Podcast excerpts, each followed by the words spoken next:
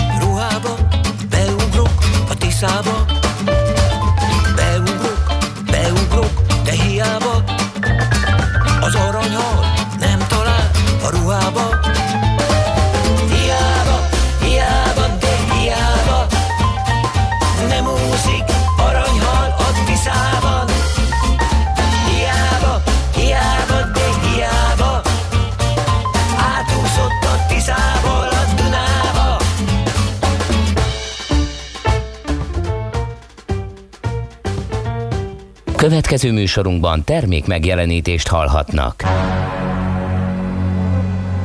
A 90.9 Jazzy bemutatja egy zűrös városban, ahol semmi sem biztos. Csak az adó?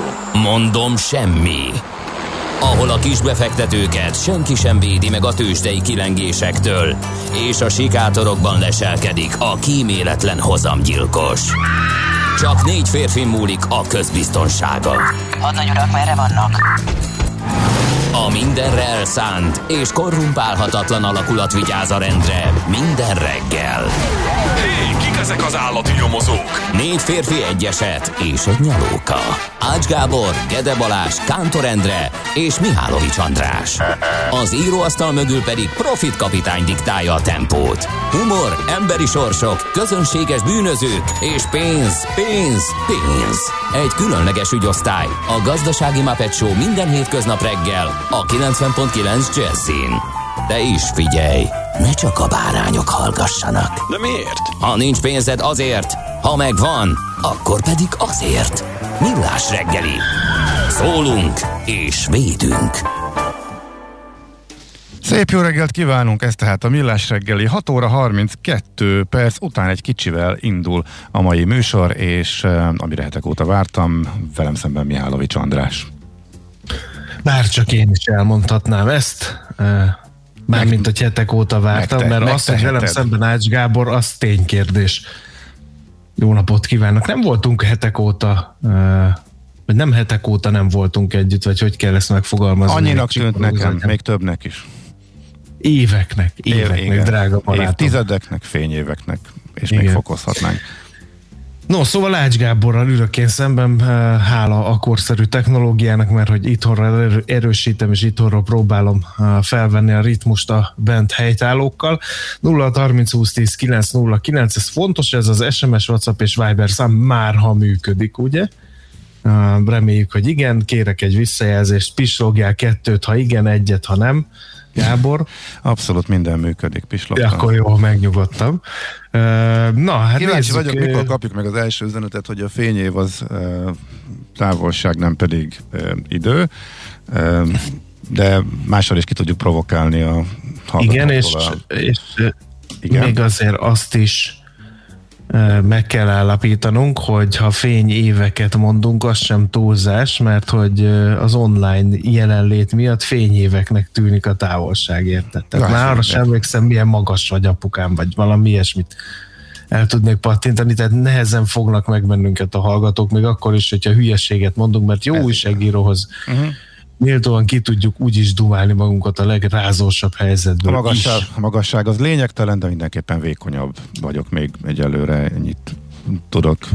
Erre tudnának emlékeztetni egy, kizárólag.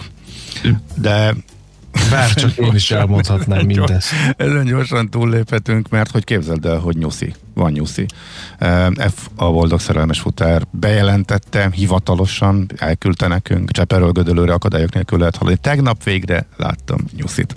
Ez tök jó. Egyszer már mi is szeretnénk, hogy erről hogy tudnánk értesülni az ő szűkszavú közléseink kívül, illetve ennek komolyabb bizonyítékát látni, akár valamilyen fotóformátumba, vagy bárhogy, hát izgalmas lenne.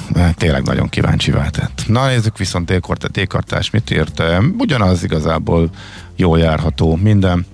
Kis optimista jó reggelt kartások, a tegnapiakhoz hasonlóan ideális forgalmi viszonyok között lehet közlekedni Vácról. Pestre minden szakaszon, alig 26 perc a menetidő, Zugló, Hermina mezőre jelenleg. Tehát Vácról köszönjük.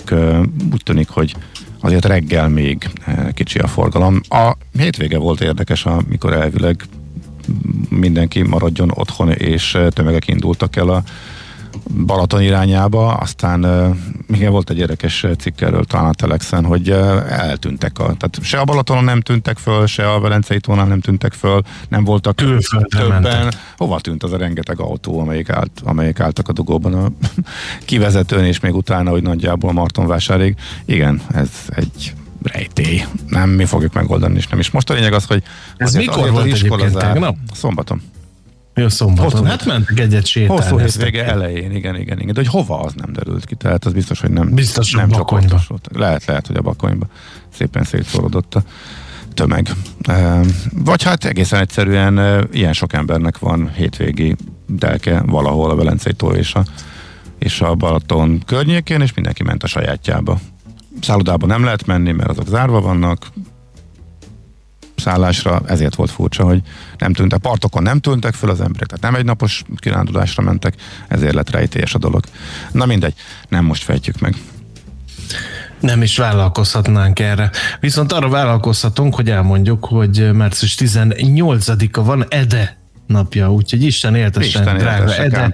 Még biztos az igazak álmát alszod, de mi már itt nagy szeretettel gondolunk rád. Miképp a Sándorokra és az nem, Eduardokra nem, nem is. aludhatja az igazak álmát. Mindjárt A, rápítjegek. a szerkesztőnek hallgatnia kell, hogy mit hányt ide nekünk, és erre hogyan, tehát hogy dolgozzuk föl azt, amit ő kitalált. Ugye neki minden esetben föl kell kelni a műsorkezdésre. Na, majd leteszteljük, hogy így történt-e. No, hát nézzük, hogy mi köthető március 18-án. Ez például az, hogy a Johannita lovagok Valetta városát Máldán birtokba vették. Nagyon szép hely Valetta, aki még nem járt pótolja, szinte minden falból árad a történelem, és nem csak a Johannita lovagok története, hanem hanem ott az egész múlt valahogy össze van rakva. Marha nagy csata volt a második világháborúban, a Máltai csata, annak is azért elég sok nyoma van, úgyhogy érdekes érdekes helyszíne ez az emberiség történetének. Ritka unalmas, Voltál vá- te is, ritka ugye? unalmas város, igen. Unalmas? Uh-huh.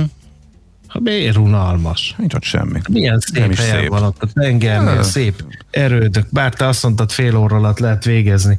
Pompeivel is, úgyhogy nincs több kérdésem, inkább azt mondom el, hogy egy másik labdarúgó klubnak van születésnapja, mert a héten elmondtuk, hogy 110 éves a Vasas, 1900-ban alapították az Ajax Amsterdam labdarúgó csapatát.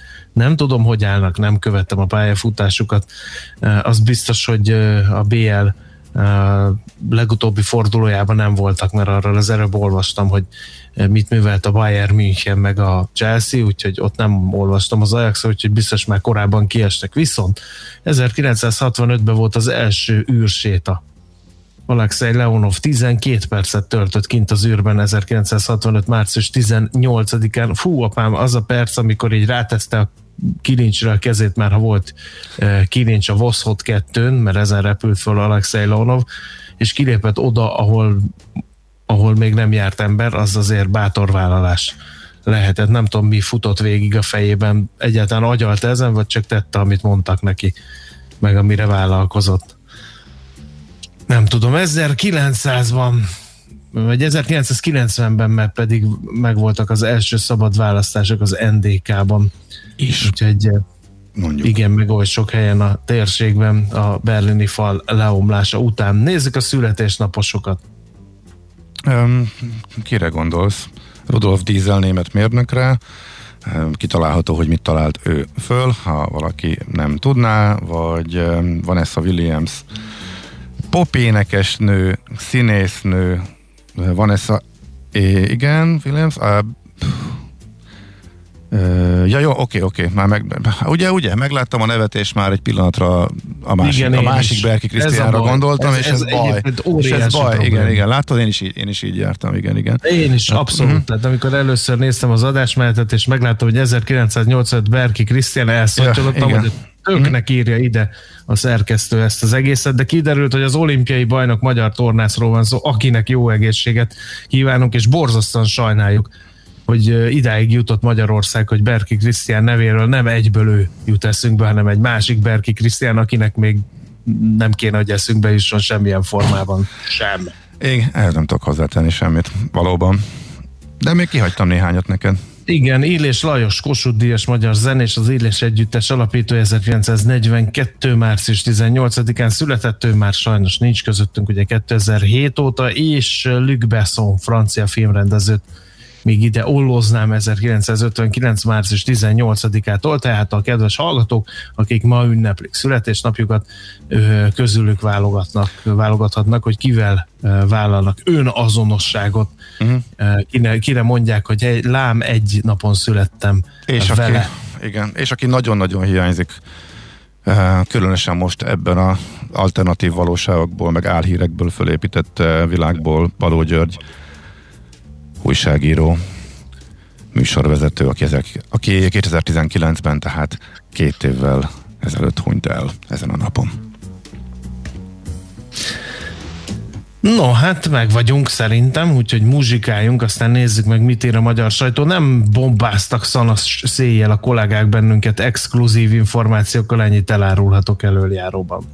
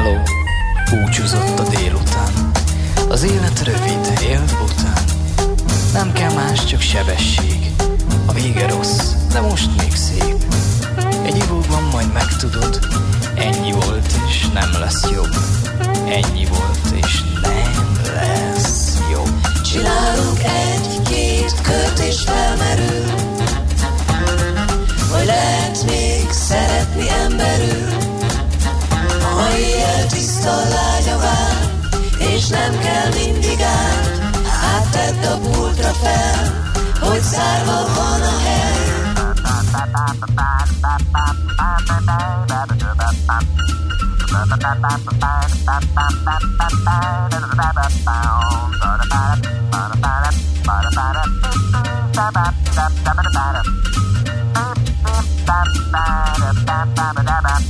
Magyarország az én hazám, Budapest a fővárosként.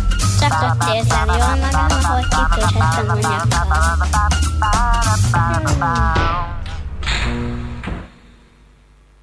Csinálunk egy-két kört és felmerül Hogy lehet még szeretni emberül. Ma éjjel tiszta lágy a vár És nem kell mindig át. Átvett a pultra fel Hogy zárva van a hely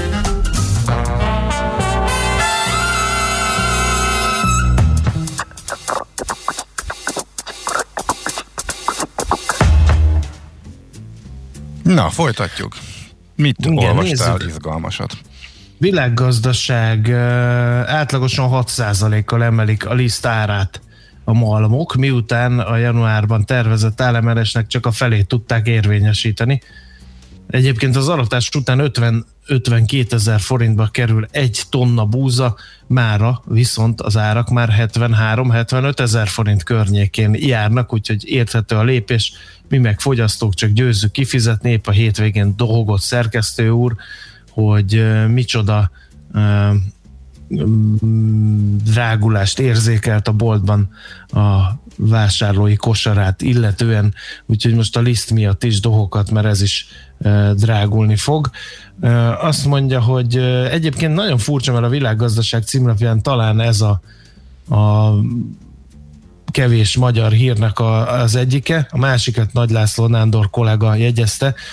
Sokan tájékozódnak, már több mint 5000 vállalkozás igényelte a kamatmentes újraindítási gyors kölcsönt az MFB-nél, meg is születtek az első pozitív dönt- döntések, az MFB pontokat működtető bankok még csak a következő hetekre várják az igénylések felfutását, hiszen kettől már a márciusi zárásban érintett cégek is igényelhetik a kölcsönt az MFB felvette a kapcsolatot a közjegyzői kamerával, hogy gyorsabban le, lehessen közökiratba foglalni a tartozásba elismerő nyilatkozatokat, és nagyjából kivégeztük a magyar vonatkozású íreket a világgazdaságban.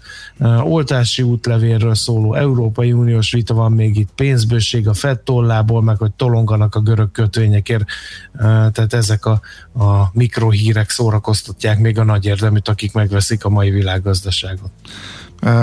Azzal természetesen elég sok járványhír van, például 24 ezer indít, 24.hu, de igazából ez egy ilyen játék a számokkal, egy nagy összegzés az elmúlt egy évről, annak nincs jelentősége, ami szerintem igazából inkább érdekelhet bárkit az, hogy mikor lesz ennek vége, meg hogy milyen kilátásaink vannak, de hát egyelőre amikről a sajtó beszámol, az inkább a káosz, most már nem csak oltás ügyben, hanem tegnapi napon egyre többen rakták ki a közösségi oldalaikra frissen érkezett igazolásaikat, a vakcina igazolásaikat, amelyek össze-vissza jönnek, sőt koronavírusban elhunytak is, megkapták, hogy ezzel kapcsolatban is elég komoly káosz van, és egyre több házi orvos beszél ki, illetve nyilatkozik arról, hogy nekik abból van elegük, hogy őket keresik, és rajtuk csattan az ostor már, mint a haragja a pácienseknek minden oltással kapcsolatos téves információra, amit a médiában hallanak, úgyhogy szeretnék, hogyha normális tájékoztatás lenne a kormány részéről is, de azért kapott kritikát az ellenzék is ezzel kapcsolatosan, úgyhogy abszolút szerintem, amit elmondtak, igazuk van, úgyhogy tök jó lenne, hogyha több adat, hiteles adat lát a napvilágot, és pont a házi orvosok, akiknek a nagy részt a vállára rakták a terhet.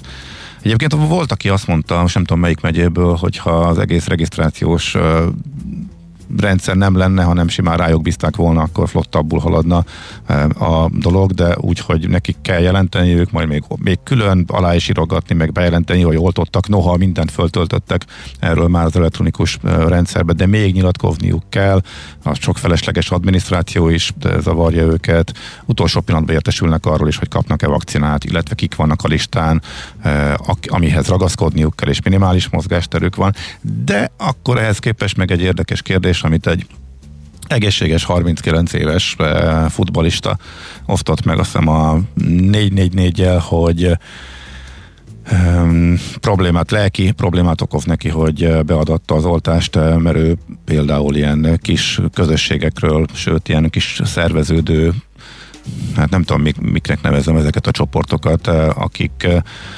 tudnak oltást szerezni bárkinek ilyenek vannak már, és miután a környezetében egy, egyre többen kapták meg, ő is úgy döntött, hogy jó, akkor miután az egész rendszer úgy, ahogy van, olyan, amilyen, akkor ő sem várt e, tovább, és akkor egy ilyen berészett és simán megkapta. Tehát a felszabaduló, meg a visszamondott, ez viszont azt feltételezni, hogy valahol orvosok is benne legyenek a buliban. E, nem hát tudom, meg, nem hogy tudom, hogy ez mennyire... a rendszert, és tudja szervezni. Szerint ezek ilyen mikroközösségek, és egy-egy oltópont környékén csoportosulnak és alakulnak ki, és valószínűleg a sok visszamondás miatt. Ja, a visszamondásról is volt hír, csak hogy ilyen pici összegzéseket tegyünk. Egy budapesti házi orvos nyilatkozta azt, hogy megtették a hatásukat az AstraZeneca hírek. Volt, hogy tízből hetet visszautasítottak, hogy nekik Astra nem kell, inkább a kínai Azért ezt se gondoltad volna szerintem néhány nem, héttel ezelőtt. Pár héttel ezelőtt egyáltalán nem. Na szóval érdekes és furcsa, Figyelj, furcsa az, Én megolvastam, hogy megjelent egy vakcina irítség. Igen, igen, ez, a, ez, a, ez egy nagyon érdekes jelenség, dolog, amikor igen. valaki fikázza a másikat, hogy miért kapott, vagy miért nem kapott, és irigykedik, és tülekedik, Nézd, és ez próbálkozik. Egy, ez, egy, ez egy nagyon érdekes dolog, hogy ha abból indulsz ki, hogy ha azt látod, hogy te teljesen egészséges vagy, és teljesen természetes, hogy vársz a sorodra, ezzel nincs, nincs sem baj, de hogy naponta esik be a Facebookon a általad teljesen egészségesnek gondolt nálad jóval fiatalabbak részéről a boldog üzenet, hogy megkapták, miközben a, a 77 éves, meg a 79 éves szüleid sehol nincsenek, és amikor, Na, itt és amikor három hét várakozás után elérik a házi orvost, azt mondja, hogy hát nem tudok semmit mondani, mert nem kapok elegendő én oltást. Annyiban vagyok akkor... bejebb, hogyha minden igaz, a szüleimet ma beoltják, de én a regisztráció óta egy hangot nem hallottam, hogy most akkor én hol állok, hol nem. Az öcsém lassan a másodikat kapja, de ugye ők mind a hárman rá is szólnak erre. Kronikus beteg, igen. Uh-huh. Igen, igen. Tehát ott még megértem. Úgyhogy de, de, de, de nálam így semmi. Tehát én szerintem majd a nyáron, amikor már senkinek nem kell az oltás, mert közben annyi oltást rendelnek, de figyelj, ezzel ni- szerintem pont nek- ezzel nincsen baj, tehát nekünk nincs is más dolgunk, mint várakozni. Tehát, hogyha nem látnánk a, a fejetlenséget magunk körül, meg azt, hogy kik kapják meg, miközben akiknek fontos lenne nem, akkor szerintem nem szavarna minket sem, meg senkit se ez az egész. Tehát igazából ez, a, szerintem azt el kell, hogy fogadjuk, hogy nem idősek, nem rizikócsoportosok, a végén leszünk, ezzel nincsen szerintem semmi baj.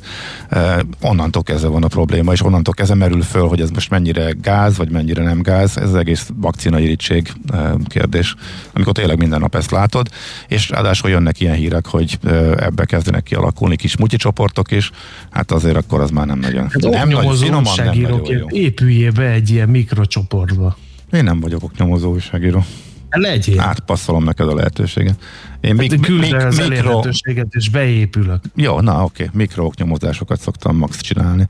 Úgyhogy, na, Edét mivel köszöntsük? Várjál, de még a nyuszira is érkezett hozzászólás. azt mondja, ezt meg kell, hogy keressem. Igen, az m 0 M4-es között van egy kis erdő, ahol az egyetlen Trafipax kamera van, ami tele van nyulakkal már, mint az erdő, és őzekkel, hogy a szerelmes futár is arra közlekedik. E, Tomika viszont azt írja, hogy amikor arra tekerek, terepfutok, mindig eszembe jut a szerelmes futár egy-egy nyúl felszavarása után. Nehéz egyébként lefotózni őket, mert gyorsak és hamar eltűnnek. Úgyhogy ennyit a titokzatos nyúszikról, akikről minden, majd minden reggel értesülünk. Na jó, e, ennyit tudunk akkor most friss híreket. Hogy hozni a magyar sajtóból, illetve összegezni arról elképesztő mennyiségű infóból, ami itt a járványkezelés kapcsán is e, ránk omlott.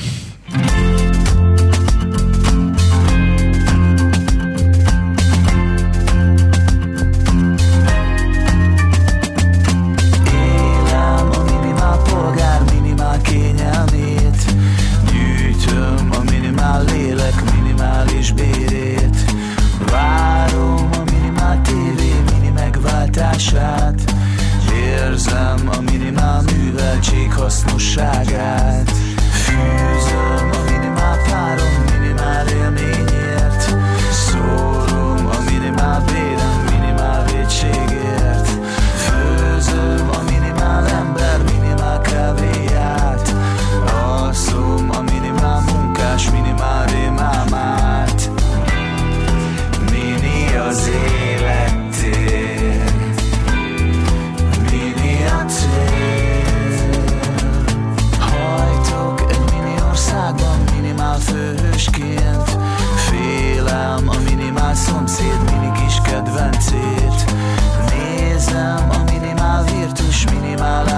hatását. Védem a kicsit is mástól a biztonságát. Mini az élettér Mini a tér Tudom ez nem mentség De ez az enyém.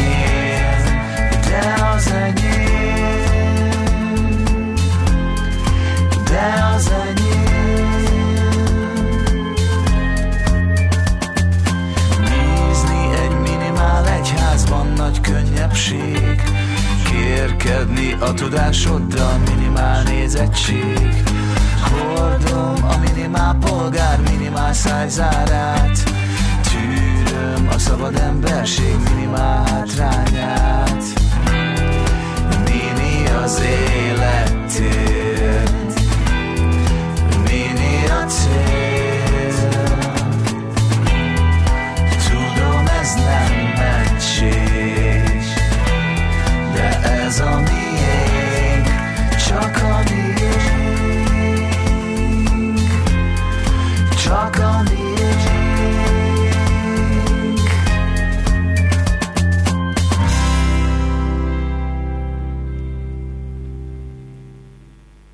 Hol zárt? Hol nyit? Mi a sztori? Mit mutat a csárt? Piacok, árfolyamok, forgalom a világ vezető parketjein és Budapesten. Tősdei helyzetkép következik. 1,7%-os mínusz volt a Bux piacán, 43.504 ponton fejezte be a magyar tőzsde, hát minden piros. Némi túlzással, a vezető papírok mindenképpen, még a Telekom tartotta magát a legjobban 6,1%-os mínusszal 410 forintig esett vissza, az OTP 2,1%-ot veszített értékéből 13.350 forinton zárta a tegnapi napját, 1,3%-ot esett a Richter, majdnem 1,4-et 8655 forintig, és veszített értékéből. A MOL is 1,8%-ot 2152 forintig, és nézem, hogy hol volt egyáltalán olyan papír, amelyik értelmezhető forgalomban valami pozitívot tudott hozzátenni a tegnapi naphoz, ez a Waberers lehet, mert nem túl nagy, 73 millió forintos forgalomban, de 3,4%-ot tudott drágulni, és nézem, hogy voltak-e bazi nagy esések, hát itt a blue chipek vitték az ászlót, de azért az Alteo 2,4%-os mínusza sem piskóta. Amerikában, hát fedezés volt, mondhatjuk. Fedre várás, aztán Fed utáni reakció. Ameddig vártak a Fedre, a tisztelt befektetők addig mínuszban volt a piac, aztán tetszett, amit a, az amerikai, hogy szoktuk mondani, az amerikai jegybank szerepét betöltő Federal Reserve. Igen, igen. igen. igen. Ez már így marad valószínűleg. Klasszikus szófordulat. Szóval azt mondták, hogy jó lesz a növekedés, infláció fölmegy, de nem probléma, amúgy pedig ezek az eszközvásárlások, ezek kitartanak. Már itt volt valami jó kifejezés erre, hogy Azaz, fenntartják addig, a pénzbőséget. Igen, addig, amíg nem csak az előrejelzések szintjén látszik, hogy nem lesz rá szükség, hanem az aktuális számok is eh, lehetővé teszik, hogy ezt visszavonják. Szóval ez csupa-csupa jó hír a tőzsdének, lesz növekedés, infláció, nem probléma, és a piacot támogató pénzeső az fönnmarad. Úgyhogy annyi történt, hogy a kis mínuszokból gyorsan átlendültek a pluszokba, a az amerikai indexek és ismét történelmi csúcson zártak, így legalább nem kellett őket megkülönböztetni, hogy ez meg az, meg melyik megy jobban, nagyjából egységesen, hagyományos iparág, value részvény, technológia, minden emelkedett. Nem olyan nagyon, de egy kicsit összességében a kis mínuszból átlendült, tehát túloldalra, de azért akkora nem volt a lelkesedés, ami viszont könnyen megmagyarázható, mert hetek óta hát a hetek nem, de mondjuk az elmúlt, elmúlt hétben visszatértek az indexek a történelmi csúcsokra, a hagyományos indexek, a technológiát leszámítva, és onnan fölfel azért már nem nagy pakugrásokban szoktak közlekedni, hanem inkább csak kis lépésekben, úgyhogy ezt láttuk. Tegnap is 6 a Dow Jones, 4 a Nasdaq és 3% tehát nagyjából azonos mértékben emelkedtek, úgyhogy ennyi volt, és olyan különösen nagyobb egyed, egyedi sztorit sem láttam. Tegnap amit uh, még tegnap beharangoztam, hogy egy gyors részvényértékesítést jelentett be a Vézer, annak meg lett az eredménye. A felére csökkentette 10, 18 százalékos részesedését ezzel a villám részvény eladással az Indigo Partners a cég főtulajdonosa, és erre esett uh, az árfolyama. De hát uh, bőven 5-es, 5000-es szint, vagy a 50 dolláros, 50 fontos szint fölött tudtak tehát kiszállni. Nagyon magas, a magas árazást kihasználva csökkentette tehát a felére a részesedését a hajdan. Hát, de így most már egy 10% alatt már nem is nevezhető, akkor meghatározó tulajdonosnak a hajdani alapító legnagyobb finanszírozást a cégbe tevő nagy légipari befektető, tehát kihasználta. És az alkalmat arra, hogy realizáljon a jókora nyereségéből, valószínűleg máshol csoportosítja át majd, és máshol fektet be hasonló légipari cégekbe.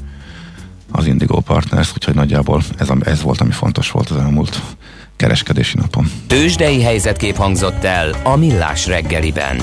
Hát voltak hallgatók, akik másra gondoltak nyuszik kapcsán, nem konkrétan az erdőben szaladgáló állatokra, de hát ez valószínűleg az szerelmes futár örök titka marad, hogy ez nála akkor Ki lehet azért következtetni? Mi lehet és Hogy lehet? egy hölgyről lehet szó. Hát, ennyire hát, nem lehet nem, valaki de... fájóan természetbarát. De. Én ezt gondolom. Én ezt elhiszem. Én ezt elhiszem, hogy ő az.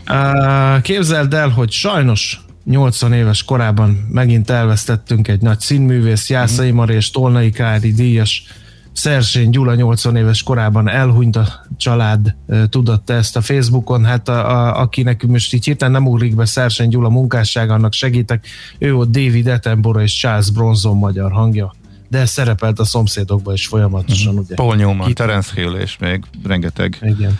E, szinkron szerepe volt, tehát nem véletlenül megkapta a szinkron szakma életműdíját is néhány évvel ezelőtt, úgyhogy 80 éves korában ugye? Igen, most pedig a hírek jönnek, még hozzá azt is tudom, hogy Schmidt Andi tolmácsolásában.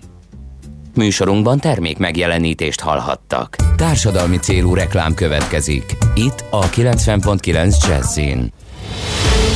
Már több mint egy millió magyar kapta meg a koronavírus elleni oltást. Lakosság arányosan többen, mint Németországban, Franciaországban, összesen közel kétszer annyian, mint az Európai Unióban átlagosan. Ez jelentős eredmény, mert a szakemberek mind egyetértenek abban, hogy a járványt csak az oltással lehet megfékezni. De ehhez még több embert kell beoltanunk. Jelentkezzen ön is oltásra a vakcinainfo.gov.hu oldalon. Együtt újra sikerülni fog. Készült Magyarország kormánya megbízásából. A társadalmi célú reklám után hamarosan visszatérünk a stílusos zenékhez. Itt a 90.9 Jazzin. Reklám. Céges energiafogyasztás, energetikai tudnivalók, teendők és döntések. Tudni akarod, hogyan lehet hatékonyabb a céged? Fontos lenne, hogy pazarlás helyett a megtakarításon legyen a hangsúly. Tudj meg többet az energiahatékonysági megoldásokról. Minden kedden reggel 3.48-kor a Millás reggeliben. A Cég Energia Robot támogatója az Alteo csoport. Alteo.hu. Energiában gondolkodunk. Jó napot! Rajta kaptam a férjemet. Tessék? Napok óta Makita akkumulátoros kerti gépeket nézeget a neten éjszakánként. Sóhajtozik is. De én vagyok a hibás. Vettem neki tavaly egy akkumulátoros Makita fűnyírót is azért. Úgyhogy most megkapja a sövényvágót is. A legjobbkor jött, hölgyem. Most akciósak az akkumulátoros Makita kerti gépek, amíg a készlet tart. Akkor viszek neki egy fűkaszát is. Akcióban a kertek rajongói, akciós, környezetbarát, akkumulátoros Makita kerti gépekkel. Makita. Egy akku 270 féle géphez. Reklámot hallottak. Hírek a 90.9 Jazzin. Jó tempóban halad az oltási kampány. Elhunyt Szersény Gyula. Az átlagosnál hűvösebb, szeles idővel folytatódik a hét. Jó reggelt kívánok a mikrofonnál, Schmidt Andi. Rendkívüli terhelésnek vannak kitéve a kórházak, egyre több ember kerül súlyos állapotba, mondta az országos tiszti főorvos. Müller Cecília közölte, jelenleg már csak nem 10.300 koronavírusos beteget ápolnak kórházban, közülük 1128-an vannak lélegeztetőgépen. Közben egy nap alatt ismét több mint 50 ezer embert oltottak be, így már 1 millió 400 ezeren kapták meg legalább az első adagot. Jelenleg van vakcina is az országban, így továbbra is jó tempóban haladhat az oltási kampány. Zavartalanul folytatódnak az oltások az AstraZeneca vakcinával. Tegnap több ezer adagot vittek ki a kormányhivatalokhoz, mivel március elején eltörölték a felső korhatárt ennél az oltóanyagnál is, így a most kiszállított vakcinák nagy részét majd regisztrált időseknek adják be a házi orvosok. A kórházi oltópontokon is halad a kampány, Pfizerrel és Sputnikkal is oltanak. De továbbra is a házi orvosok szervezik, hogy a saját praxisukhoz tartozó betegek közül kik menjenek el az oltópontokra. Az első oltásokkal párhuzamosan ezen a héten több mint 70 ezer második körös oltást is beadnak a kórházakban. Nagy-Britanniában már több mint 25 millióan megkapták legalább az első koronavírus elleni vakcinát.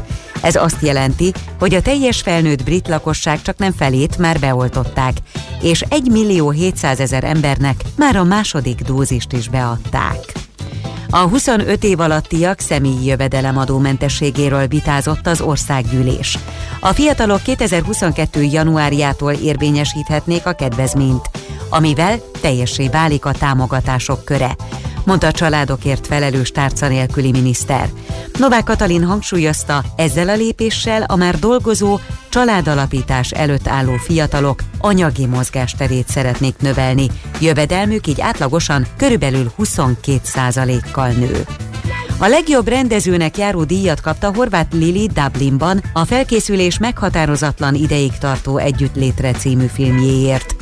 A valóság és képzelet határán játszódó szerelmes film továbbra is versenyben van a függetlenek Oscar díjaként számon tartott Independent Spirit Awardért, amelynek nyertesét április végén jelentik be. Elhunyt Szersény Gyula, a Jászai Mari és Tolnai Klári díjas színművész közel négy évtizedig volt tagja a régi Nemzeti Színháznak. Színpadi szerepeinek a száma jócskán meghaladja a százat. Számtalan televíziós és rádiós produkcióban is főszerepek sorát alakította, valamint olyan filmekben láthatta a közönség, mint a Jancsó Miklós rendezte Szegény legények, vagy a Gál István által jegyzett sodrásban. A szinkron stúdiókban pedig olyan külhonisztároknak kölcsönözte hangját, mint Charles Bronson, Paul Newman, Terence Hill vagy éppen David Attenborough. 2018-ban átvehette a szinkron szakma által adományozott életműdíjat. Szersény Gyula 80 évet élt. Ma is folytatódik a változékony hűvös idő, kelet felől megnövekszik a felhőzet, és már csak a nyugati megyékben számíthatunk napsütésre. Sokfelé lesz erős az északi szél. Napközben 4 és 9 fok között alakul a hőmérséklet, és a következő napokban is marad az átlagosnál hidegebb idő. Köszönöm a figyelmet, a hírszerkesztőt, Schmidt-Tandit hallották. Budapest legfrissebb közlekedési hírei a 90.9 Jazzin a City Taxi Dispécsejétől. Jó reggelt kívánok a kedves hallgatóknak! Még nincs nagy forgalom sem a városban, sem a bevezető utakon. A 9. kerületben a Soroksári úton a Haller utcánál a torna fedlapokat cserélnek, ezért sávlezárásra kell számítani. A második keretben a Kapi utcában, a Bimbo útnál útszökületen kell áthajtani gázvezetéképítés miatt. Napok óta problémát okoz, hogy a Hungária körúton az Árpád híd felé vezető oldalon a Kerepesi út előtt lezárták a középső sávot, most csak két sáv járható, emiatt hosszú a kocsisor egész nap érdemes más útvonalat választani. Tegnap lezárták a Lánchíd járdáit, gyalog nem lehet átmenni a hídon, viszont a Clark Ádám tér és a Széchenyi István tér között mindkét irányban ingyenesen lehet utazni a nappal és az éjszakai buszjáratokkal. Köszönöm szépen a figyelmünket, vezessenek óvatosan, további utat kívánok! A hírek után már is folytatódik a millás reggeli, itt a 90.9 jazz Következő műsorunkban termék megjelenítést hallhatnak.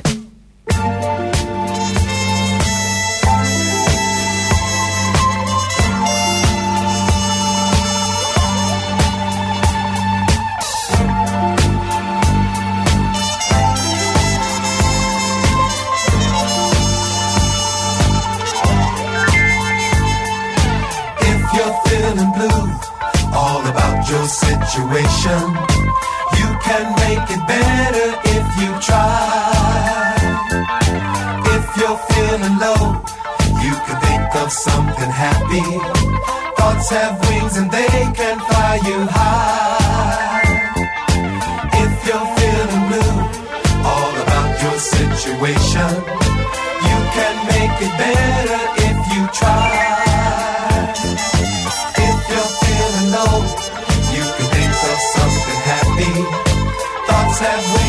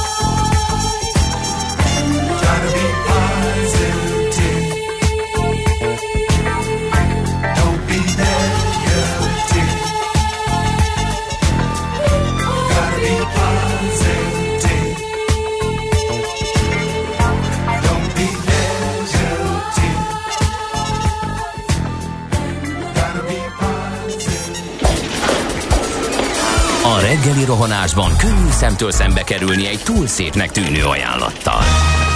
Az eredmény krétával körberajzolt tetemes összeg. A tethelyen a gazdasági helyszínelők, a ravasz, az agy és két füles csésze és fejvállalakzat. A lehetetlen küldetés megfejteni a Fibonacci kódot. A jutalom egy bögre rossz kávé és egy olyan hozamgörbe, amilyet még Alonso Mosley sem látott.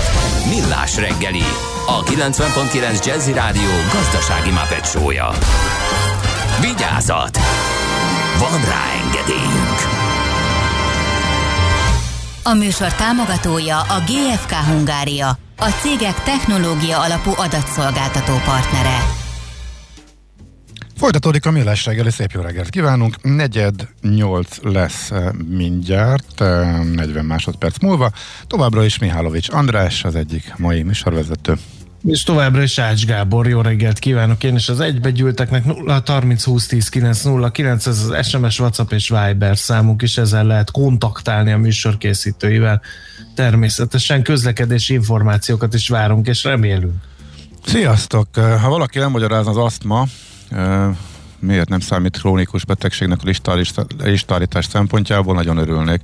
Szerintem annak számít, mert nekem több ismerősöm is aszma miatt kapta meg nagyon fiatalon már az oltást.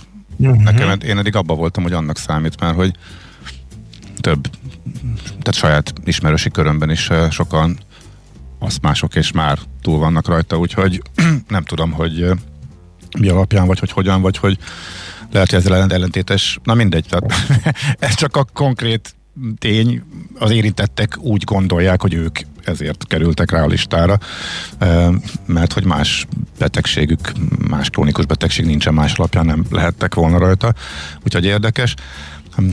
Bejálovicsnak azért nem kell az oltás, mert nem akar bejárni dolgozni. Nem van benne valami egyébként. Ugye, ugye, ugye? Még, vélet, nem, meg még véletlenül. Mi nekünk ugye show műsorban dolgozunk, és nagyon oda kell figyelni, hogy a társadalom szövetének minden kis szálával tudjon valaki azonosulni, úgyhogy a Kántor a hipohonder, az Ács az Ejráérünk, arra még a Gede a jogkövető, én meg az oltás ellenes. Na jó. De figyelj, az kétségtelen, hogy abban a pillanatban, hogyha megkapjuk, újra itt ülünk egymással szembe. Én örülnék, hogyha itt lennél, és nem távban kellene nézegetni, és visszatérhetnénk a jó reg, és ülünk a stúdióban egymással szembe megoldáshoz, úgyhogy én már csak ezért is nagyon várom, hogy... De meddig megkapjuk. ülhetnénk a stúdióban? Meddig nyújt az oltás védettséget? Hát amire ez kiderül, a, tehát elkezdjük, idejövünk, és addig a tudósok kitalálják. Remélhetőleg mire ez fölmerülhet ez a kérdés. Legalábbis nagyon-nagyon bízom benne. Nem? Meglátjuk. Ennél jobbat nem tudunk. Úgyhogy Közlekedési híreket tudunk jobbat, hidd el. Közlekedni tudunk, így van. Budapest legfrissebb közlekedési hírei, itt a 90.9 jazz Azt mondja, hogy volt egy útszűkületünk a Kapi utcában, a Mimbo útnál útszűkület van gázvezetéképítés miatt, a Soroksári úton a Haller utcánál sávlezárás van, csatorna fedlapot cserélnek, a Budakeszi úton befelé a Szilágyi Erzsébet fasornál a buszsávot zárták le, ott is csatornát javítanak, és a Kőbányai úton kifelé a külső sávot zárták le a Könyves Kálmán körút után, ott éppen a változatosság kedvéért távhővezetékjavítás van folyamatba véve. Budapest, Budapest, te csodás! Hírek, információk, érdekességek, események Budapestről és környékéről. A bűzbomba, a csömör és kistarcsai bűzbomba, ez érdekel engemet ma reggel ebben a rovatban. Milyen lépéseket tervez a kormány a kistarcsán és csömörön évek óta érezhető elviselhetetlen bűz felszámolásáért címmel nyújtott be kérdést egy parlamenti képviselő az agrárminiszternek. A helyiek több éve panaszkodnak arra, hogy elviselhetetlen a bűz esténként és éjszaka csömörös kistarcsa között. 0 30 20 10 9 0 9, ha ezt valaki érzékeli, akkor próbálja már meg az AR-nek a minőségét, tehát hogy mire hajaz azt megírni, és akkor én megpróbálom kitalálni jó mezőgazdászként, hogy az miből eredhet. Mert jártam egy-két büdös helyen már életemben. Szóval a problémával megkeresték a Kistarcsai és Csömöri polgármestert is, illetve az érdi járási hivatal környezetvédelmi főosztályát. A helyzet azonban semmit nem változott. A lakók tessék kapaszkodni, úgy érzik, a hatóságok csak egymásra mutogatnak. Az agrárminiszter azonban vette a fáradtságot és utána nézett. Jelenleg vizsgálják a közérdekű bejelentéseket, amelyekről elmondható, hogy általában egy konkrét cég tevékenységére vonatkoznak. A helyszíni vizsgálat során a cég telephelyén kívül soha nem érezték a büdöset. A hulladéklerakó pedig rendeltetéseknek megfelelően működik. Azzal kapcsolatban, hogy akkor mégis mit éreznek a lakók, az agrárminiszter azt válaszolt, hogy a fent említett cég hulladék lerakó közvetlen közelségében földmunkákat végzett, amikor is kotrógéppel emeltek ki hulladékot a földből. Ez es- esetenként szakhatással járhatott, írja nagy István agrárminiszter a válaszában. Aha, jó, oké. Okay. Na de ezt figyeld, és egy váratlan fordulat, problémát okoz, hogy mire a hatóság emberei kiérnek a helyszínre, hogy utána nézzenek a bejelentésnek, szagot már nem érezni. Hát, elfújja a szél, igen. Mindig akkor érezni, mikor nincs ott hatóság, és csak a... Nem lehetne egy kommandót kiállítani a csömör és kis tartsa közötti bűzbomba hatástalanítás, egy kijelölni egy szerencsétlen környezetvédelmi munkatársat, hogy te most 0-24-ben várod, hogy megcsörrenjen a mobilod, és ha hívnak kis tartsáról vagy csömörről, autóba vágod magad, kimész szagolni.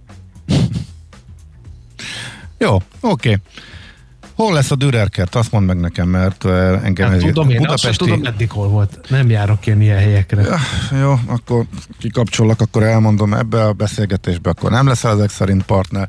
Budapest egyik legkiválóbb eh, szórakozó helye, kénytelen volt bezárni a névadó ajtósi Dürer sor mellette, mert hogy hát eh, más célra hasznosították az ingatlant, eh, a kópark, vagy nem tudom mi, hát mindegy, szóval ott valamit építeni kellett, és annyit bejelentettek, ügyesen csepegtetik az infokat, hogy Buda, Budára, a budai oldalra költözik majd át, és mindenki most már jól tipp, megtippelgetheti, hogy a március végén esedékes bejelentés az vajon miről fog szólni.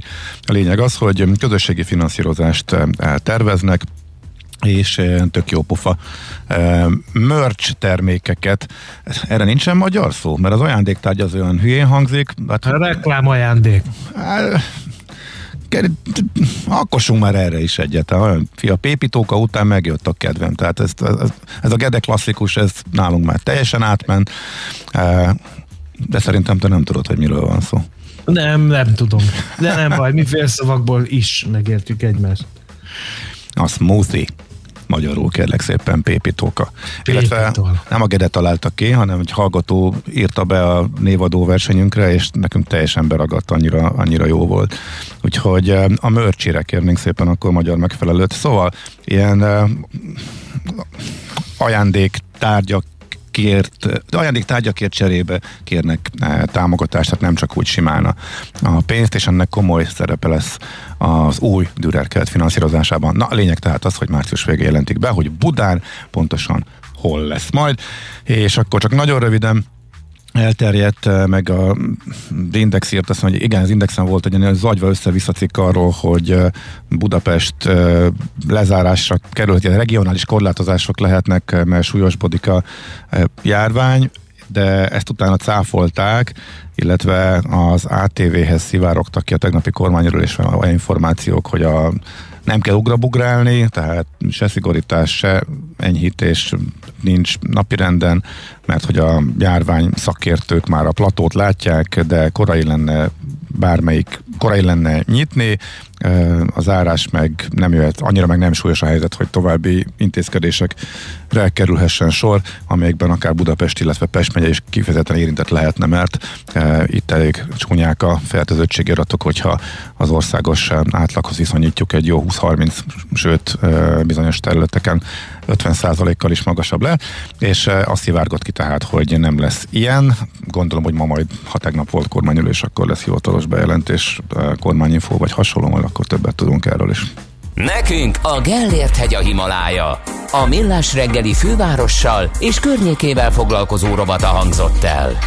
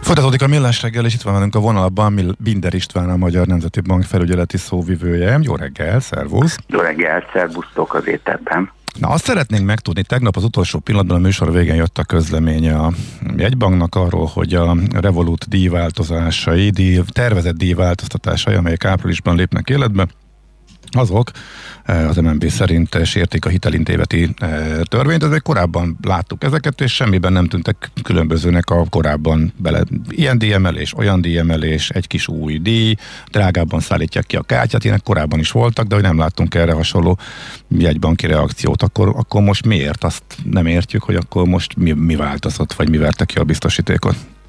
Ez egy olyan díjemelési szándék, amit a Revolut Payments UAB bejelentett, tehát a Revolut csoportnak a Magyarországon határon átnyúló elektronikus pénzkibocsátó, illetve pénzforgalmi szolgáltatóként jelenlévő cége bejelentett, ami az ügyfeleknek egy meglévő szerződése esetében hozna be új díjat, illetve költséget. Az ATM-es tranzakcióknál ugyanis, hogyha meghatározott összeget vagy darabszámot meghaladja a készpénzfelvét, akkor bejönne egy fix összegű minimumdíj, ez pedig egyértelműen tiltja a hazai hitelintézeti törvény, illetve a számítási mód sem változtatható meg egy meglévő szerződés esetében az ügyfelek számára, már pedig itt a bejelentett tervezendő, tervezett törvény, bocsánat, tervezett szerződés módosításoknál itt behoznának egy, itt is egy eltérő számítási módot az európai gazdasági térségen kívüli nemzetközi utalásoknál egységesítenénk a tarifákat, itt többfajta tarifa volt eddig, és célország szerinti eltérő díjszabások lennének, ez a deviza nem szerint is. Itt a számítási mód változik tehát meg, tehát nem egy ö, egyszerű ö, díjemelésről van szó, hogy meglévő díj emelkedik, hanem új díj jött be, illetve a számítási mód változott be. Ezeket pedig a hitelintézeti törvény egyértelműen tiltja. Tehát a magyar bankoknál nem volt korábban ilyen, hogy új díjakat hoztak volna be, vagy egy, egy érzésre furcsa, mert hogy ez kevés ügyfelet érint, ötödik tranzakció után jön be ez az új díj, tehát marad a nagy része, ahogy eddig is volt, meg az embernek olyan érzése van, hogy hát fix díjak korábban is bejöttek, számlacsomókat szűn, megszüntettek, újat lét, hoz, létrek hozta, hoztak létre a magyar bankok, sokkal rosszabb kondíciókkal, stb. stb. Hogy akkor ez, nem, érezzük, hogy hol van a határ, hogy akkor mi ez, ami ebben most tényleg olyan, ami, aminek nem szabadott volna előfordulnia hogyha egy magyar bank próbálkozna ezzel a módszerrel, akkor természetesen ugyanúgy uh-huh. a Magyar Nemzeti Bank fellépne, tehát új díjat Magyarország bankok a meglévő ügyfélszerződéseikben sem hozhatnak be. Egyébként korábban volt ilyen próbálkozás jó pár évvel ezelőtt Magyarország bankszektori szereplő részéről, és természetesen a Magyar Nemzeti Bank ugyanígy fellépett.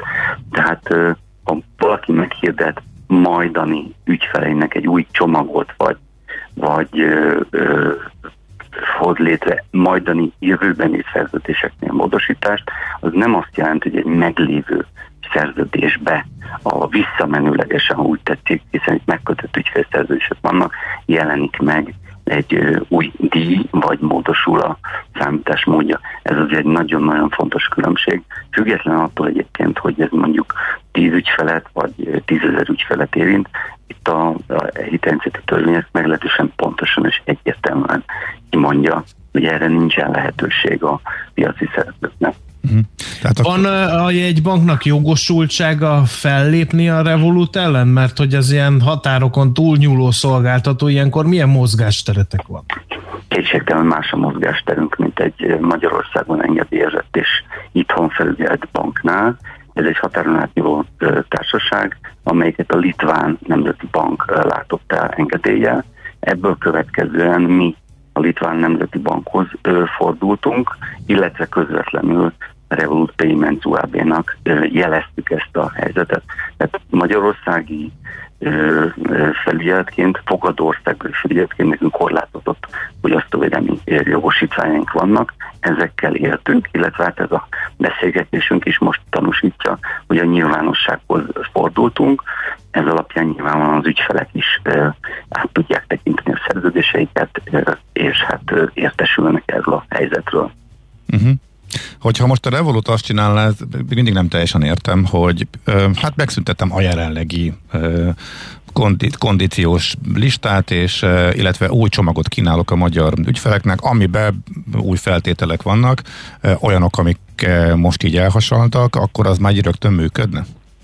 Hát meglévő szerződésekről van szó, tehát hmm. ö, ö, meglévő szerződéseket, ahogy említettem, nem lehet új díja vagy költséggel módosítani. Tehát, hogyha nyilván az ördög a részletekben, tehát pontosan látni kéne, hogy mi történne, uh-huh. de most ebben a szituációban most, szerintem nagyon egyszerű a helyzet, az az elvárás, az a kezdeményezés az MNB részéről, hogy április 23-án ezeket a szerződéses módosításokat ne léptessék életbe, hiszen ezek törvénysértőek. Uh-huh. Csak Magyarországon, hogyha jól sejtem, ugye? ugye mind, ugyanez a kondíció vonatkozik minden országra, az egész világra eh, a Revolutnál. Van még másik jegybank is? Tudtak erről, hogy valakinek ez így, vagy hasonlóan reagált? Vagy akkor most kimondottan csak a magyar ügyfelek esetében kell változtatnia a Revolutnak? Nem tudunk erről, hogy történt-e módosítás esetleg más európai országoknál, de én el tudom képzelni, hogyha ilyen történt, akkor ugyanezek az elvek azért működnek, tehát ott is fogyasztó védelmi oldalról ez, ez alig ha elfogadható, hogy egyszerűen megjelenik egy új díj, amiről szó nem volt, amikor ügyfélként valaki aláírja a szerződést, és nyilvánvalóan az, hogy valaki hol választ egy piaci szereplőt magának, tehát hogy a a nagy-nagy piaci kínálatból melyiket választja ki. A szempont, sőt nagyon fontos szempont, hogy milyen árak, milyen tarifák vannak.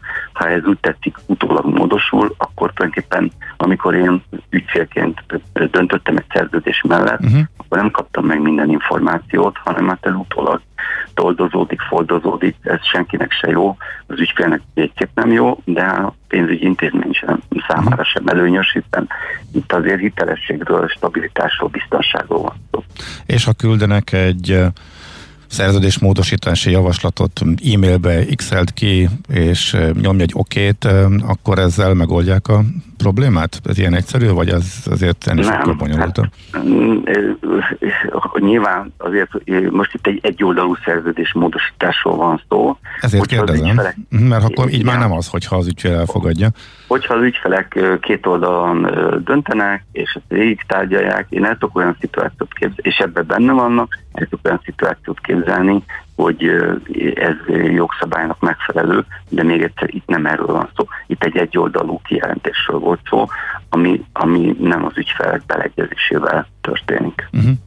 Van egyébként egy érdekes másik oldala is ennek a Revolut történek, illetve a Revolut is részes ennek. A magyar bankok azért szoktak panaszkodni, hogy a Revolut és a hasonló nagy külföldi globális fintech cégek, akik Magyarországon is szolgáltatnak, előnyben vannak, mert rájuk nem vonatkozik a tranzakciós adó fizetési kötelezettség.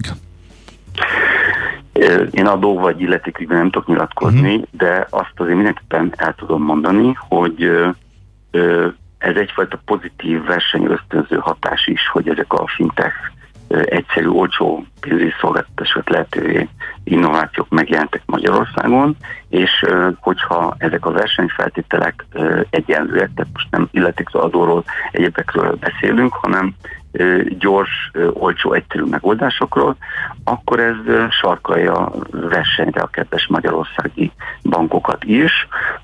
Ők is szorítják le a költségeket, ők is biztosítsanak egyszerű, olcsó megoldásokat. Ez meg is indult egyébként Magyarországon, nem kísérben a Magyar Nemzeti Bank közleműködésével, hiszen megjelent az azonnali fizetési rendszer, amelyik egy 5 másodpercen belüli átutalást hozott. Ez pont a fintech cégeknek az egyik nagyon nagy erősségére, ha úgy tetszik, reagált, vagy vagy adott egy további ilyen lehetőséget, hiszen azoknál is egy azonnali, nagyon gyors, egyszerű nemzetközi átutalási lehetőség volt. Azt gondoljuk, hogy nosza versenyezzenek a magyarországi bankok, és dőljön el egyenlő feltételek között, hogy ki a jobb.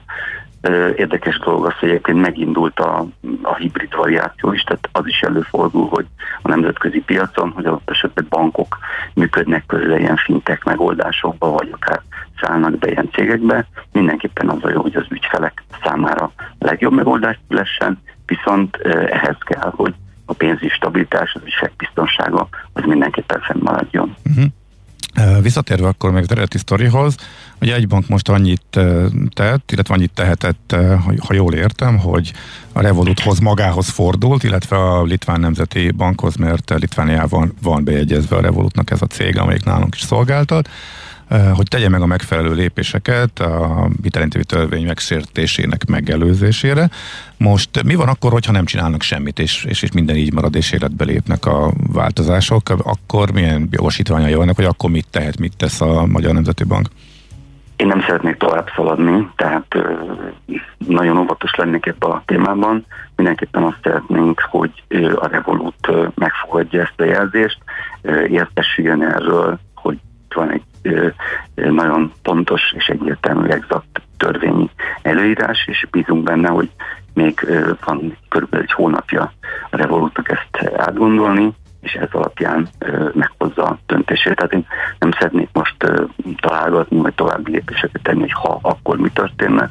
Bízunk benne, hogy a Revolut megszakadja ezt a tanácsot. A Litván Nemzeti Bank is értesül erről a helyzetről, meghozza a megfelelő intézkedéseket, hiszen ő látja közvetlenül ennek a pénzügyi intézménynek a felügyeletét, és nem történik meg egy olyan az ügyfelek számára törvénysértő vagy hátrányos lépés, ami itt most kilátásban van. Uh-huh. Oké, okay. nagyon szépen köszönjük. Szép napot, jó munkát kívánunk. Én is köszönöm. Szervusztok. Szervusz. Köszi, szervusz. Binder Istvánnal beszélgettünk, tehát a Magyar Nemzeti Bank felügyeleti szóvivőjéről, azzal kapcsolatban, hogy a Revolut bejelentett díjváltoztatásai ra úgy reagált a Nemzeti Bank, hogy miután úgy értékelte, hogy ezek sérthetik a magyar hitelintéveti törvényt, a kibocsát, a szolgáltatóhoz, illetve a szolgáltató székhelyén illetékes jegybankhoz fordult. Műsorunkban termék megjelenítést hallhattak. Van itt nálunk a jazziben egy fickó, aki jól érti a jazzt, meg a smooth jazzt is, sőt, otthonosan mozog a swing világában. És ne feledkezzünk meg a szól és a funky zenéről sem. Aztán még a lounge műfajhoz is ért. Mit ért? Perfekt benne, akár doktorálhatna is ezekből, vagy taníthatná. Persze egyetemi szinten. Na, a jó hír az, hogy tanítja. Minden vasárnap délelőtt két órán keresztül elénk hozza a világ legjobb muzsikusait, a legkülönlegesebb felvételeit és a legexkluzívabb információit. Jazz Kovács minden vasárnap délelőtt a 90.9 Jazzin. Csak a zeneértőknek. Rövid hírek a 90.9 Jazzin. Rendkívüli terhelésnek vannak kitéve a kórházak, egyre több ember kerül súlyos állapotba, mondta az országos tiszti főorvos. Müller Cecília közölte, jelenleg már csak nem 10.300 koronavírusos beteget ápolnak kórházban, közülük 1128-an vannak lélegeztetőgépen. Közben egy nap alatt ismét több mint 50 ezer embert oltottak be, így már 1 millió 400 ezeren kapták meg legalább az első adagot. Jelenleg van vakcina is az országban, így továbbra is jó tempóban haladhat az oltási kampány. Országszerte elkezdődött az óvodák és iskolák fertőtlenítése. Április 7-éig csak nem 140 köznevelési intézményben végez munkálatokat a Magyar Honvédség. A katonák védőruhában és gázállarcban dolgoznak. A cél az, hogy a digitális oktatást követő tavaszi szünetről tiszta fertőtlenített intézményekbe térhessenek vissza a gyerekek. Feljelentést tettek a rendőrségen a hármas metró felújított szerelvényei ügyében, jelentette be Karácsony Gergely tegnap este a Facebookon. A főpolgármester szerint valakinek felelnie kell azért, hogy klímaberendezés nélküli metrókocsikat kapott Budapest 70 milliárd forintért. Lovász László kapta a matematika legrangosabb elismerését, az Ábel díjat. A Magyar Tudományos Akadémia korábbi elnökének egy izraeli tudóssal együtt ítélték oda a matematikusok Nobel-díjaként is emlegetett elismerést. A kutatók az elméleti számítógép tudomány és a diszkrét matematika terén elért eredményeikért kapták meg a díjat. Újra indulnak a brit óceánjárók, de sehova sem tartanak. A koronavírus ellen már beoltott utasok szállhatnak fel a fedélzetre. A társaság első hajója június 27-én Southamptonból indul sehova se tartó útjára, hiszen egy kikötőt sem érint, hanem kiindulási állomására tér vissza.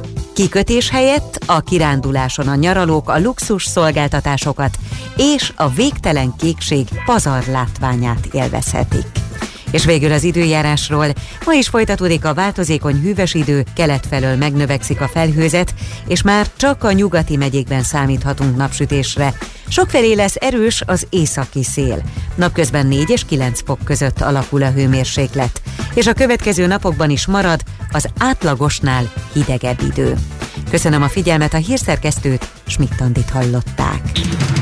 Budapest legfrissebb közlekedési hírei, itt a 90.9 jazz jó reggelt kívánok! A H5-ös hív Szentendre és Pomász között egy vágányon közlekedik járműhiba miatt. Élénk a forgalom az M3-as autópálya bevezető szakaszán a Szerencs utca előtt, a Hungária körgyűrűn mindkét irányban szakaszonként, a Kerepesi úton befelé a Fogarasi út előtt és a Rákóczi úton ugyancsak befelé a Barostértől. Továbbra is lassan halad a sor a Budai alsó rakparton a Petőfi hídnál észak felé, illetve akadozik az előrejutás a Szélkálmán tér környékén, a 19. kerületben lezárták a Derkovics Gyula utcát, a Simonyi Zsigmond utca és a Csokonai utca között felújítás miatt. A 182-es, a 182A és a 184-es autóbusz terelt útvonalon mindkét irányban az Üllői úton át közlekedik, a Veselényi utca és a Tinódi utca közötti megállókat nem érintve.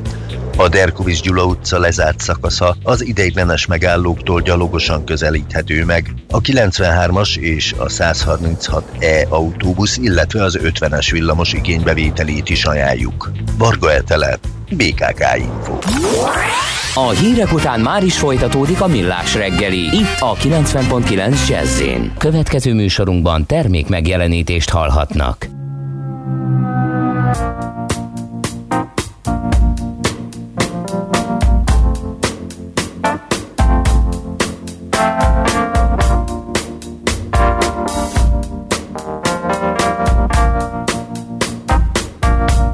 Like pebbles on a beach, kicked around, displaced by feet. Oh, like broken stones, you're trying to get home, like a loser's reach, too slow and short to hit the peaks. Yeah, so lost and alone Yeah, trying to get home. There's another bit shatters,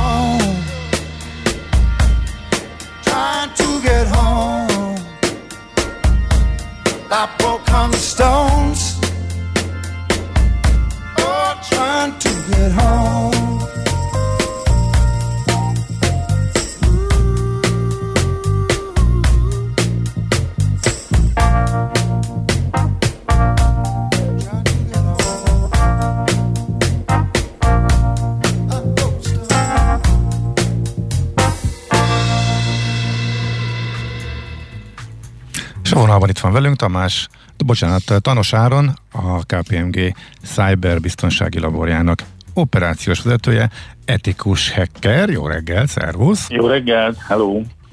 No, hát eh, ha visszapillantunk a mögöttünk lévő évre, akkor eh, hát ez a kibertámadás téma, ez bekerült a mainstream médiába. Egyrészt ugye az egészségügyi intézményeket ért támadások eh, kapcsán, amik hát ugye azért nem szépek. Egyébként se szép a kibertámadás, de hogy épp egy ilyen terhelés alatt lévő rendszert támadnak még meg, Nesze Sánta itt egy púpis alapon, az különösen bicskanyitogató meg hát ugye elmentünk home office-ba, és ugye az eddigi néhány kiskapu helyett ahány ember home office-ba került, annyi kiskapu nyílt.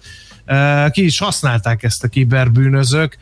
De milyen támadások voltak a legjellemzőbbek, és mi volt a céljuk ezeknek a jó embereknek? Igen, pontosan. 2020-ban a kibertámadások mértéke elképesztő mennyiségben növekedett, azt legjobban az jelzi, hogy ameddig 2018-ban 522 milliárd dollár volt a kiberbűnözés globális költsége, ez 2020-ban majdnem megduplázódott közel 1000 milliárd dollárra, ez, hogy egy picit el tudjuk helyezni a teljes magyar GDP többszöröse. Um, az egy fontos adat, hogy ezeknek a támadásoknak a 98%-a egy úgynevezett social engineering támadással kezdődik. A social engineering... Az a legjobb, az a kedvencem pontosan a social engineeringnél a rossz indulatú hackerek nem a rendszereket vagy a technikát veszik célba, hanem az emberi tényezőt, minket a felhasználót, ezeknek a támadásoknak az esetek nagyon nagy részében az a célja, hogy személyes információkat, felhasználó neveket, jelszavakat szerezzenek, amivel további támadásokat tudnak majd indítani. Uh-huh és ugye ez az, amikor kapok egy látszólag a munkahelyemről egy e-mailt, hogy a kafetéria rendszerünket örömmel értesítjük, drága kollega, hogy megújítottuk, erre a linkre kattintson rá és ellenőrizze, hogy milyen jogosultságok között válogatott, és hogyha valami nem stimmel, akkor erre az e-mail címre legyen kedves egy válaszüzenetet küldeni, és erre ki az, aki nem kattint, tehetjük fel a, a, a, a kérdést. De ezzel már át is elvesztünk a következő kérdésre, hogy ugye mondtad a módszert magát, de mit csinálunk rosszul? Mert hogy igazából ezeknél a social engineering támadásoknál pont az a baj, hogy nem, ezt, ezt technikával nem lehet kivédeni. Ez csak maga az az ember tudja kivédeni, aki ennek a támadásnak a célpontja. Pontosan itt a, az egyetlen egy dolog, amit tudunk csinálni, az a saját biztonságtudatosságunknak a növelése. Például, ahogy mondtad, jön egy e-mail, aminek van egy csatolmánya például a postától, és úgy néz ki a csatolmány, mintha a csomag áttételéhez szükséges információ lenne, de igazából egy kártékony kódot tartalmazó PDF, rákattintunk egy linkre, ami elvisz a járványal kapcsolatos információs oldalra, ami egy rossz indulatú oldal. Mindig legyünk nagyon körültekintőek akkor, hogyha személyes adatot adunk meg, akkor, hogyha az e-mailben valami nem stimmel, um, helyesírási hibák vannak benne, a, a, a cég általános brandingétől egy picit eltér. Uh, ezek a cégek nagyon figyelnek arra, hogy minden ügyféllel kapcsolatos kommunikáció szinte tökéletes legyen, úgyhogy ez egy nagyon jó jelzés, hogy valami nem stimmel, hogyha első elnézésre nem tűnik profinak. Hát oké, okay, de az a baj, hogy ezek egyre profibbak ezek a módszerek, és ráadásul ugye az meg nem túl életszerű, hogy kapok valamiféle csatolmányt, linket, stb., és akkor ne kattintsak rá, mert az mondjuk, ha, ha mindig felhívom az IT-seket, hogy figyelj, most kaptam, ti küldtétek, vagy a pénzügyet, vagy a kafetériásokat, hogy szia, kaptam egy ilyet, ti küldtétek, ez meg, ez meg lelassítja, meg bonyolultá teszi, és teszi az egészet mégiscsak. Tehát, hogy nem tudom, hogy ezzel ellen tényleg van-e valami tuti módszer. Uh, tuti módszer a józan paraszti eszünk. Um, uh-huh. Hogyha végig gondoljuk, és ö, belefektetünk ennyi en- energiát, ami sajnos a modern életünknek az, hogy átköltöztünk a kibertérbe, ez annyira része, hogy az ilyen kis biztonsági fékeket és ellensúlyokat kénytelenek vagyunk beépíteni ahhoz, hogy tényleg biztonságban tudjuk használni a technikának az előnyeit. Uh-huh. A, egyébként, hogyha beszéltünk, ugye a tavalyi év, vagy kiemelt terhelés alatt volt a kibertér a támadásokat illetően, melyik volt az, ami, ami még a szakembereket is meglepte? Melyiket emelnéd ki? Talán a Twitter elleni támadást emelném ki. Biztos nagyon sokan hallottak róla, hogy 2020. július közepén 130 nagy látogatottságú Twitter fiók egyszerre posztolta ki, hogy minden nekik küldött bitcoinért kettőt küldenek vissza. Ez elsőre egyértelműen csalásnak hangzik, de a fiókok között volt Bill Gates és Elon Musk is, aki azért szokott vad dolgokat tweetelni. Másfél órába telt a Twitternek, hogy lereagálja ezt az incidens, ez alatt 120 ezer dollár értékű bitcoint loptak el a csalók.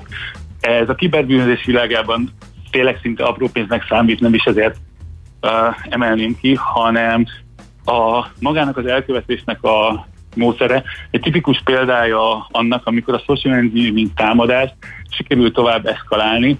Az történt, hogy egy otthonról dolgozó Twitter alkalmazottat felhívtak telefonon, és uh, sikerült olyan személyes információkat kicsalni tőle, amivel aztán admínjogosultságot tudtak szerezni a Twitter rendszerében, amivel azután azt tudtak csinálni, amit akartak. A feltört fiókok között voltak politikus fiókok is, például Barack Obama volt, és Joe Biden most már jelenlegi amerikai elnöké is, és nem kell nagy fantáziával rendelkezni ahhoz, hogy elképzeljük, hogy a lopáson kívül milyen lehetséges károkat tudtak volna okozni. Uh-huh. Nekem a kedvencem ez a SIM-kártya cserés dolog.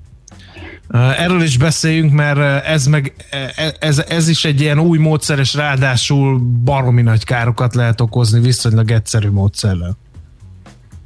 Igen, ilyenkor arról van szó, hogy a csalók felhívják a szolgáltatónkat, és már korábban vagy social médiáról, vagy e-mail szivárgásokból megszerzett információkkal elhitetik velük, hogy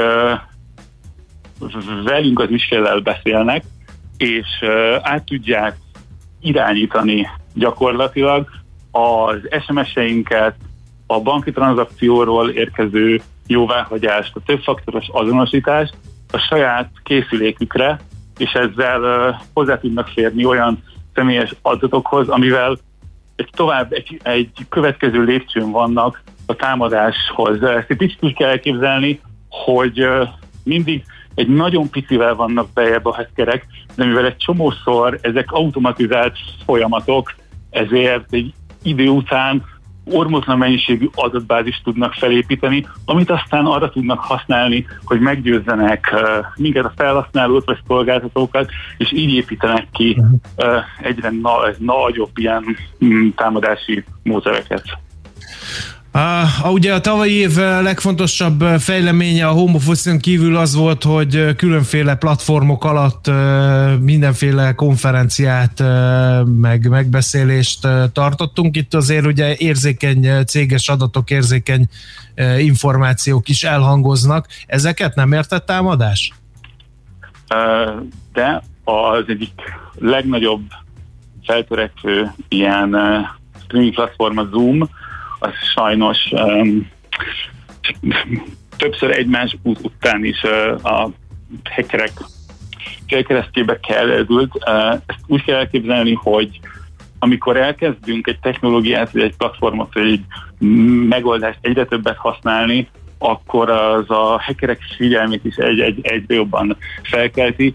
Talán ami a leg, hát így visszatekintve árvatlan és szórakoztató volt az a Zoom bombing jelensége, amikor uh, rájöttek arra a támadók, hogy a Zoom konferenciának az azonosítója az kitalálható.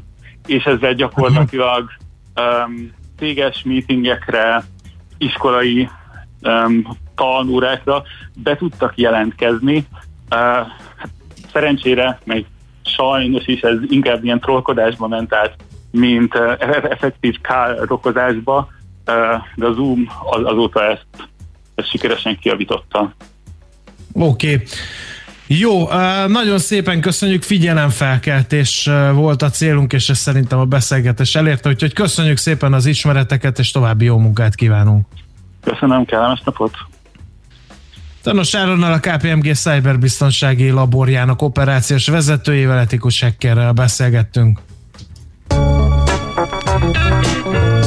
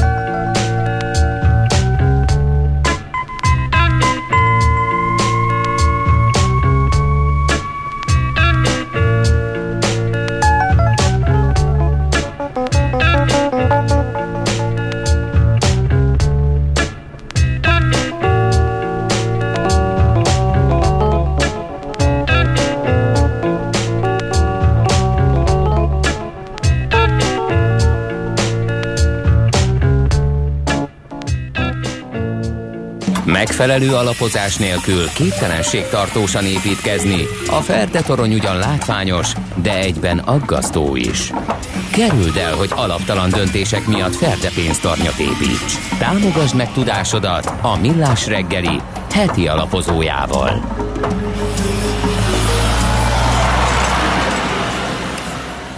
És jó nap, Richard, az Akkord alapkezelő portfólió menedzser a vonalban. Jó reggel, szia! Jó reggelt, sziasztok! Jó hát, reggelt minden hallgatónak!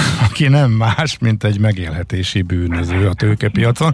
Legalábbis a bejegyzésre olvasgatva a megélhetési bűnözésről, azt a saját történetedet e, mesélted el, nagyon tanulságos.